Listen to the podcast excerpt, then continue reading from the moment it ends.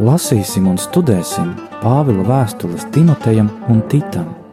Raidījumu ciklā Apstuļa Pāvila mācība draudzēm.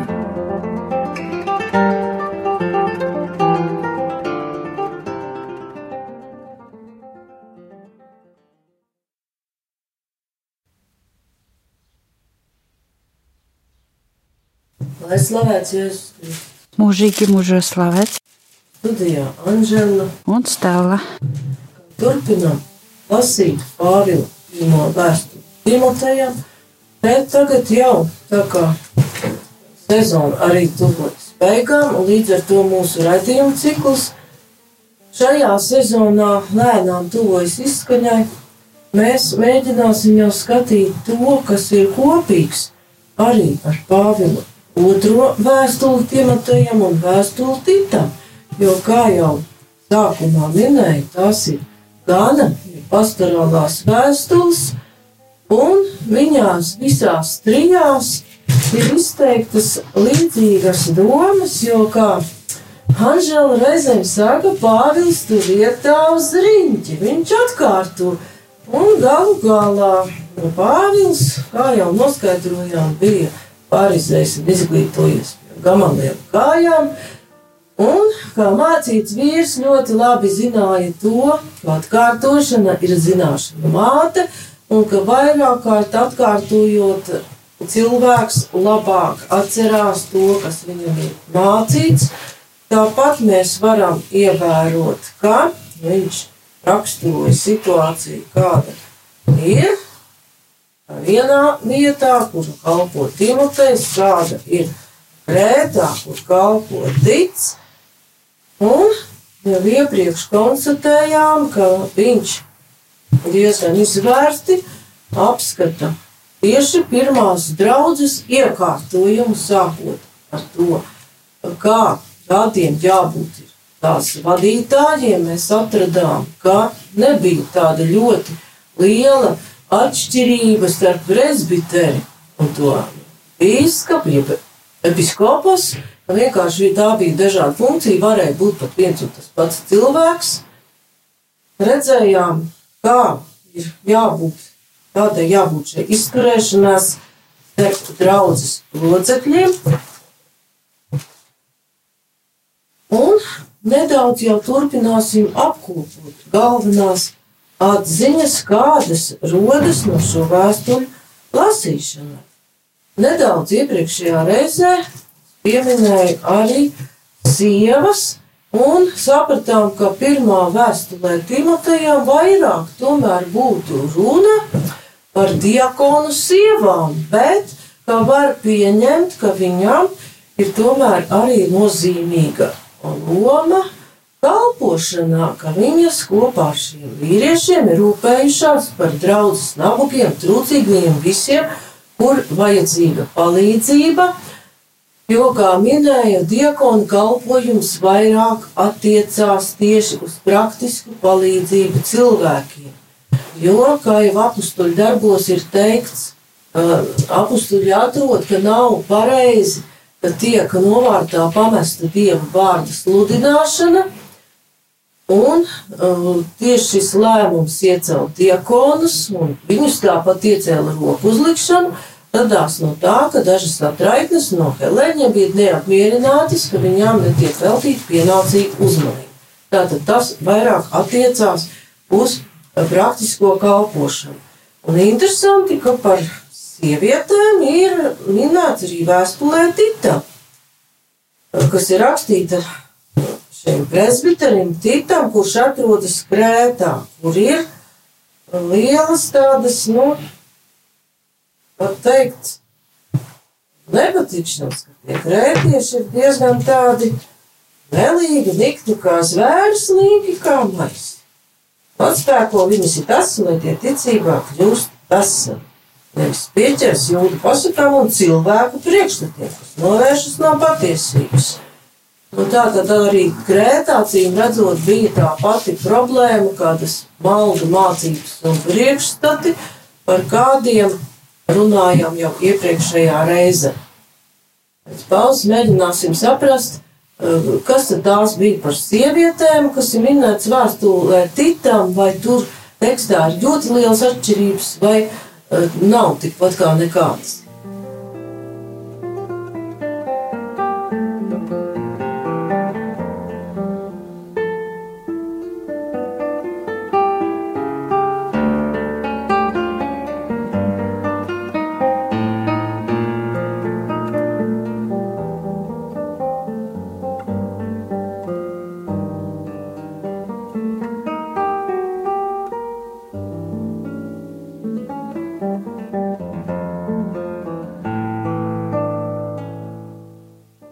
Tad raksta Pāvils vēstulē Titam. Arī tur daudz kas atkārtojas no visa tā, ko jau iepriekš esam skatījušies. Un te arī ir par presbiteriem, kā ģimenes cilvēkiem. Un tālāk jau otrā nodaļā sludina to, kas saskan ar veselīgo mācību. Izrādās, ka arī šis draudzes kārtojums ir saistīts ar veselīgo mācību. Tātad to mācību, kuru Pāvils saņem no Kristus evaņģēlija, sludina cilvēki. Pēc tam mēs varam ņemt vērā arī to, kāpēc šie teksti ir tik svarīgi. Otrajā vēstulē Timotejam un trešajā nodaļā mēs varam izlasīt, Lūk, ko apustulis Pāvils raksta Timotejam, bet jau otrajā vēstulē. Bet tu paliec mācībā, ko esi mācījies, par ko esi pārliecinājies. Jo tu zini, ka tev to ir mācījuši. Un ka tu no mazām dienām zini svētos rakstus, kas spēj padarīt tevi gudru pestīšanai caur ticību Kristu Jēzu. Visi šie raksti ir dieva iedvesti un ir noderīgi mācībai, vainas pierādīšanai, labošanai, audzināšanai taisnībā, lai dieva cilvēks būtu pilnīgs, sagatavots katram labam darbam. Šeit parādās labi darbi, kuri parādās arī vēstulē Titam, trešajā nodaļā, Un tur jau varam atkal saprast saikni ar vēstuli, ar jēkabu vēstuli, kurš runā par to, ka ticība bez darbiem ir necība. Bet kā tad īsti te ir ar to veselīgo mācību un tiem cilvēkiem? Tas sludina to, ka saskana veselīgo mācību Saprotam, ka šī veselīgā mācība izaug no svēto rakstu, lasīšanas, zināšanas, un te atkal ir minēti, lai vecākie vīri tur skaidrā prātā cienījami, prātīgi, veselīgi ticībā, mīlestībā, izturībā. Arī gandrīz jau kā svētā gara dāvana ir klātesoša. Nu, un trešais pants.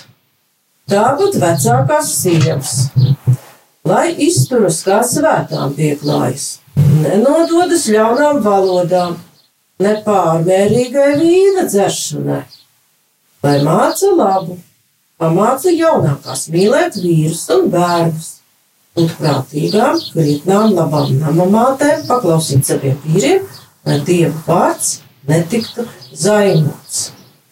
Nu, te jau pat latviešu tulkojumā nepārmērīgai vīna dzeršanai tas ir interesanti, ka tas ir attiecināts uz sievietēm.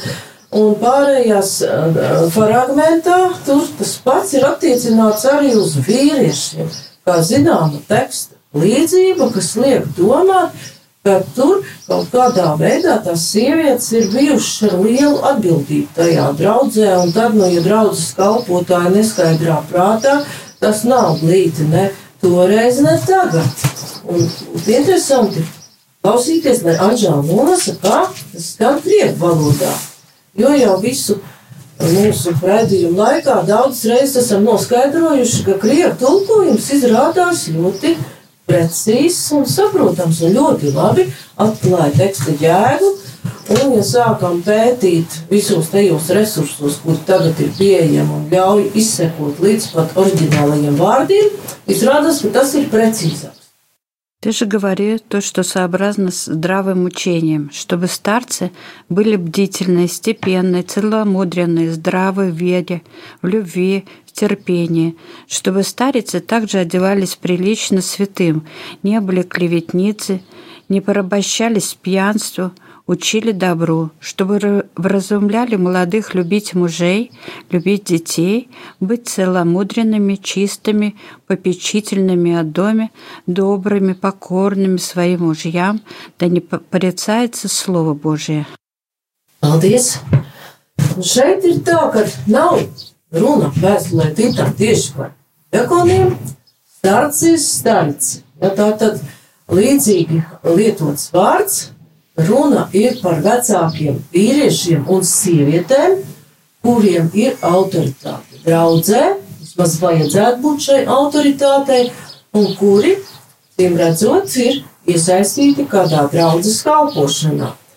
Un Pāvils pamāca šos cilvēkus caur vēstuli Titam, kā viņiem izturēties, lai viņi būtu cienīti, nezaudētu šo autoritāti un varētu būt paraugs visiem citiem draudzes locekļiem. Arī šeit mēs vēl varam atkārtot Pāvila vēstuli Timotejam.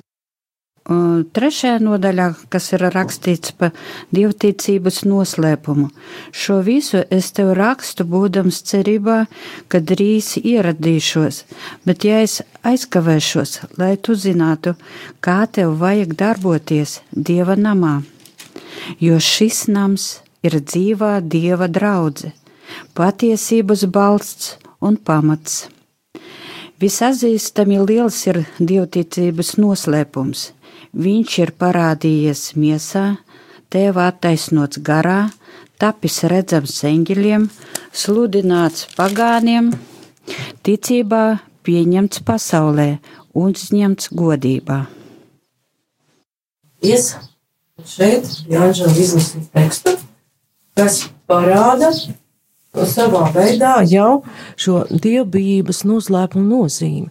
Jau iepriekšējā reizē es minēju, ka Pāvils arī runā uz Timoteju, kādā veidā viņam mācīt, nodoties lasīšanai, paskubināšanai, mācīšanai. Un no visiem iepriekšējiem tekstiem, kur ir runāts kā draudzes vadītājiem izturēties pret draudzes locekļiem, kā arī dzīvot ģimenē, mēs redzam, ka viņš parāda kopienu, kuras dzīves veids ir būtiski pretējs tam, kas notiek tā laika antīkajā pasaulē, un par ko Pāvils runā otrajā vēstulē Timotejam. Trešajā nodaļā, bet zini to, ka pēdējās dienās iestāsies grūti laiki. Tad pilnīgs pretstats, kā tas, ko, uz ko aicina Pāvils un par ko lasīja Anžela, Jo cilvēki būs patmīlīgi, manteskārīgi, lielīgi, augstprātīgi, zaimotāji, nepaklausīgi vecākiem, nepateicīgi, neganti, cietsirdīgi, nesamierināmi, apmelotāji, nesavaldīgi, nesavaldāmi, labā nīdēji, nodevēji, pārsteidzīgi, uzpūtīgi, mīlēdami vairāk baudas nekā dievu, izrādīdami ārēju svētbijību, bet tās spēku noliekdami, no un no tādiem izvairīs. Tātad šeit Pāvils raksturo arī šo situāciju, kāda ir tajā laikā apkārt viņa draudzēm. Arī šeit eh, ļoti svarīgi laikam atzīmēts, ka, ka rakstīts, ka kā vajag darboties Dieva namā, ja, ka mēs visi laikā varētu darboties mūsu baznīcā, un arī, ka šis nams ir eh, dzīva Dieva draudze kas ir patiesības balsts un pamats, kā grāktā tagad. Jā, paldies par šo tekstu, un caur viņu pat ir uzsvērta, un arī šajā Pāvila mācībā parādās arī tāda liela, teikt, lai un draudzes vadītāja sadarbība. Un šeit to tieši šajās Pāvila vēstulēs var redzēt, ka liela nozīme ir tomēr tam, ka draudzes vadītāji ir ģimenes cilvēki. Līdz ar to draudze veidojas ap viņiem kā ļoti liela ģimene. Un te rodas jautājums, kāpēc līdz pat mūsdienām, tomēr jau no kādiem pirmajiem gadsimtiem, eh, diezgan tā ātri pat tika pieņemta tradīcija, ka šie draudzes vadītāji, garīdznieki tomēr nav ģimenes cilvēki. Iepriekšējā reizē mēs skatījāmies arī tādu jautājumu, kam pieskārās Pāvils 4.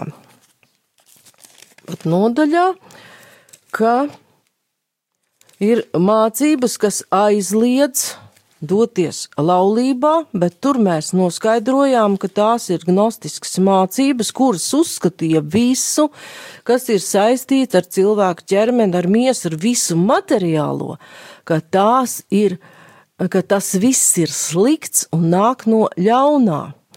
Un te rodas jautājums, vai tām ir kāda ietekme pat patreiz uz to, ka garīdznieki tomēr daudzus, daudzus gadsimtus dzīvo bezlaulībā, ka pat laban par to, ka pāvests Francisks iedrošinājās tomēr pieļaut, ka tādos reģionos kā Amazonē, kur ir milzīgs garīdznieku trūkums, varētu būt šie precētie vīrieši, un par pāvests Francisku notiek pat milzīgas sacelšanās.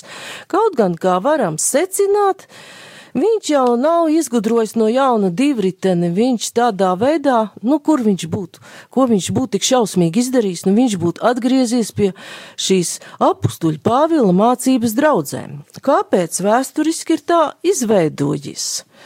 Un kāpēc tas vēl joprojām pat pēdējos gadsimtos ir šis uzskats tik noturīgs, ka garīdzniekam dzīve celibātā ir daudz izcilāka nekā, ja viņš būtu precēts. Pie apustuļa Pāvila mēs redzējām, ka viņam ir pieņemami abi veidi, un ka viņš abus gan spēja būt, būt laulībā, gan dzīvot bezlaulībā, uzskata par lielu un vērtīgu dāvanu.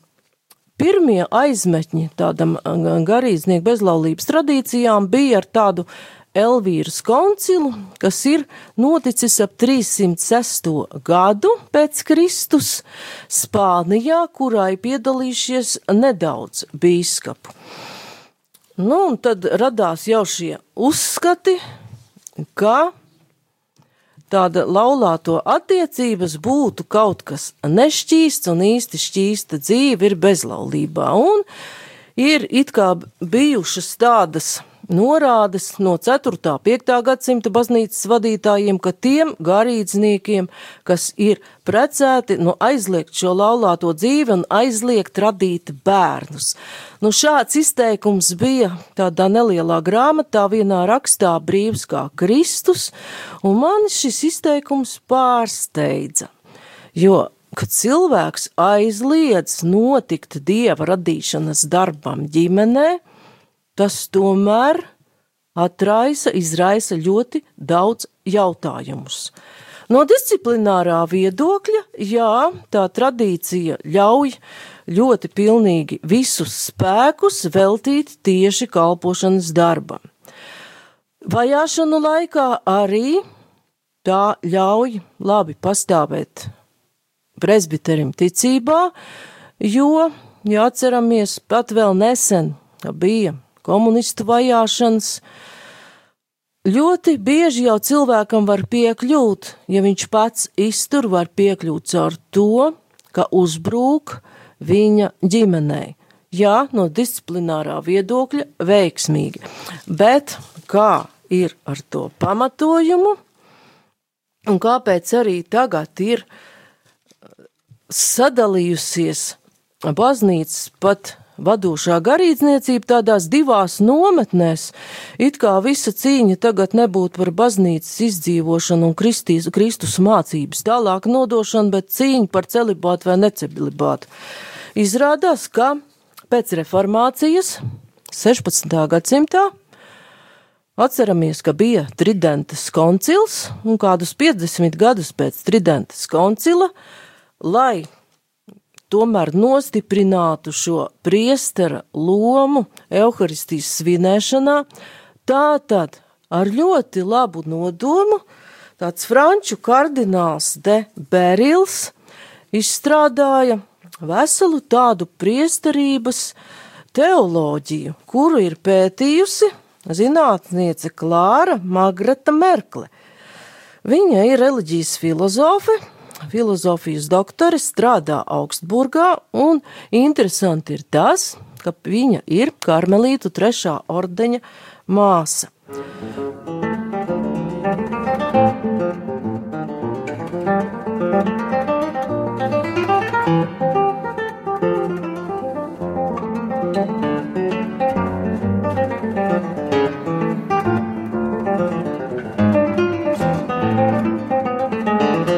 Studijā Stela Jurgena un Anģela Roze Jumiķe. Un viņa šo tēmu ir pētījusi tieši atsaucoties uz to, ka mūsdienās ir priesterības krīze un ir šīs milzīgās problēmas ar izmantošanu un daudziem citiem jautājumiem, un kāpēc cilvēki tieši katoļu priesterībai pievērš tik lielu uzmanību. Margare, Margareta Mārkla arī zināmā mērā atbild uz to, ka Berils gribēdams labu, sanāca viņam kā vienmēr vai pat sliktāk, uzsvērs ir pārmērīgu garīdznieka identificēšanos ar Kristu, ka garīdznieks, katoļu priesteris ir ontoloģiski, tas ir pēc būtības atšķirīgs no lāja parastā. Un šādu pozīciju ir aizstāvēta arī pēdējā kardināla Sāras un arī Benedikta Emeritus. Jā, pāvesta Benedikts 16. emeritus grāmatā par celibātu. Un kardināls Sāra pat uzsver šo domu, nu šai gadījumā es atceros vairāk šo pētnieces darbu, jo grāmata nav tulkot latviski un internetu lasīšanai arī nav pieejama, ka priesteris ir ne tikai alter Kristus, nu tas ir otrs Kristus, bet ka viņš ir nu, tikpat kā jau pats Kristus, ka Kristus izmanto garīdznieka ķermeni. Un zinātniece atzīmē, ka no šādas teoloģijas izriet, ka tur vairs nepaliek uh, garīdznieka cilvēciskā persona.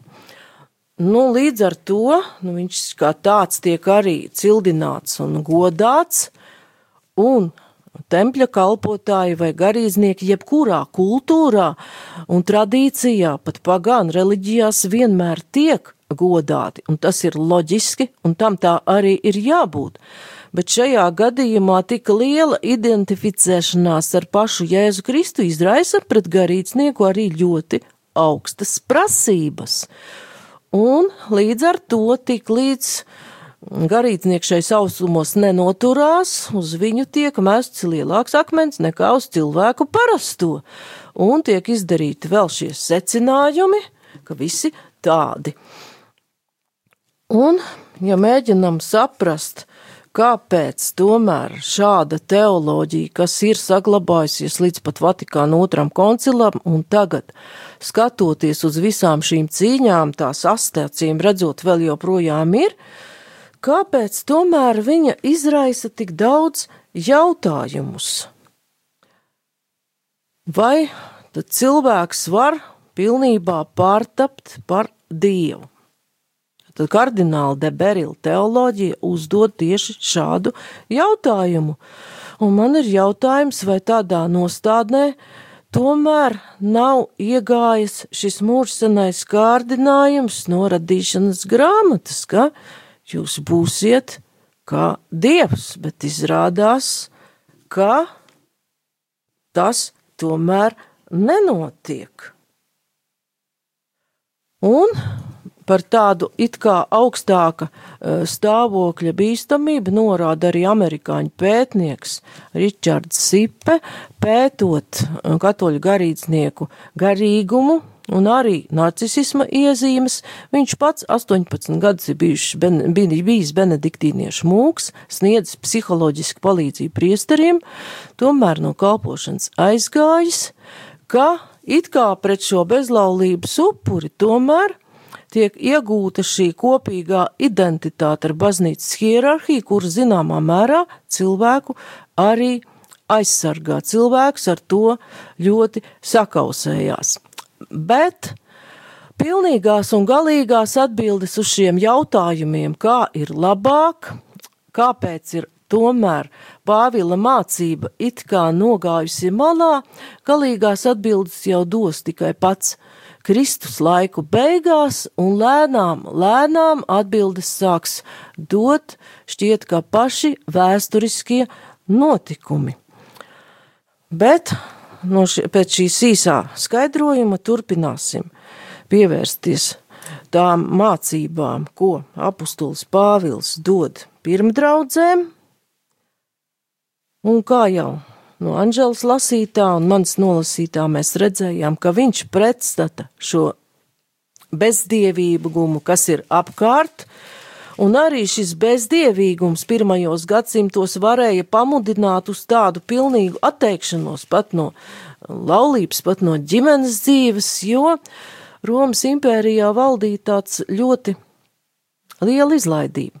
Un arī ģimene tas bija tāds, uh, tāda īslaicīga savienība, ko ļoti bieži slēdza kāda izdevīguma dēļ. Līdz ar to radās kristumticīgajiem šī vēlēšanās dzīvot citādu dzīvi un dot kādu pretsparu. Jo Nu, jā, jā var lasīt vēl Pāvila pirmā vēstule korintiešiem. Par elku upuriem, par elku upuriem skaidrs, ka mums visiem ir zināšanas, un zināšanas rada augstprātību, bet mīlestība tā veido cilvēku. Ja kāds domā, ko sapratis, tad viņš vēl nezina, kā būtu jāsaprot, bet ja kāds mīl Dievu, tas ir Dieva atzīts. Paldies! Tā kā šeit tā jau ir cita vēstule, tā bija pirmā korintiešiem. Jā, pirmā vēstule korintiešiem, astotā nodaļa, pirmais pants līdz trešajam. Tā kā es arī to atvēršu, tas... jo tas satur ļoti būtiskas domas. Pirmā, trešā nodaļa. Sestā, astotā nodaļa. Astotā nodaļa un pirmais pants. Un te arī tas sasaucas ar šīm pārdomām, kādas izraisa Pāvila vēstules šo pirmo draugu vadītājiem, ka arī zināšanas vai pašu iedibināta kārtība var jau kļūt gandrīz kā elku upurs, un ka atziņa, lai cik tā laba būtu un kādā brīdī derīga, dara uzpūtīgus, bet kā apustulis Pāvils saka, mīlestība ceļ. Tātad viņš norāda uz to, ka katrā dzīves veidā, kā pirmajai, ir jābūt mīlestībai. Vai tā ir cilvēkam, kam nav ģimenes, uz apkārtējiem, vai tā ir ģimenē un caur ģimeni iziet pie apkārtējiem. Un vēstulē kolosiešiem mēs savukārt varam lasīt, ka mīlestība ir pilnības saite. Un ja mēs vēl lasītu pirmo vēstuli korintiešiem 13. nodaļu, tad mēs atrastu, ka apustulis Pāvils saka, ka pat mīlestība ir pārāka par visiem citiem tikumiem. Kā 13, 13, tā, tad nu paliek ticība, cerība, mīlestība, šīs trīs, bet lielākā no tām ir mīlestība. Tā tad Arī eh, sestajā nodaļā, pirmajā vēstulē Timotejam, mēs varam lasīt par to mācību, jā, kā aplams mācības un patiesas ieguvums, jā, jā. Kā, kā mēs viens otru apmācam, jā, kādā veidā, kad nav mīlestības, tajā, kad tiek pasniegts kaut kas. Un bez mīlestības dažkārt pat var pasniegt pat pareizu informāciju, bet tad tā ir, ja arī Dieva vārds ir pasniegts bez mīlestības vai tā skaidrojums, tad viņš paliek par pliku informāciju, un cilvēks viņu nespēja sagramot.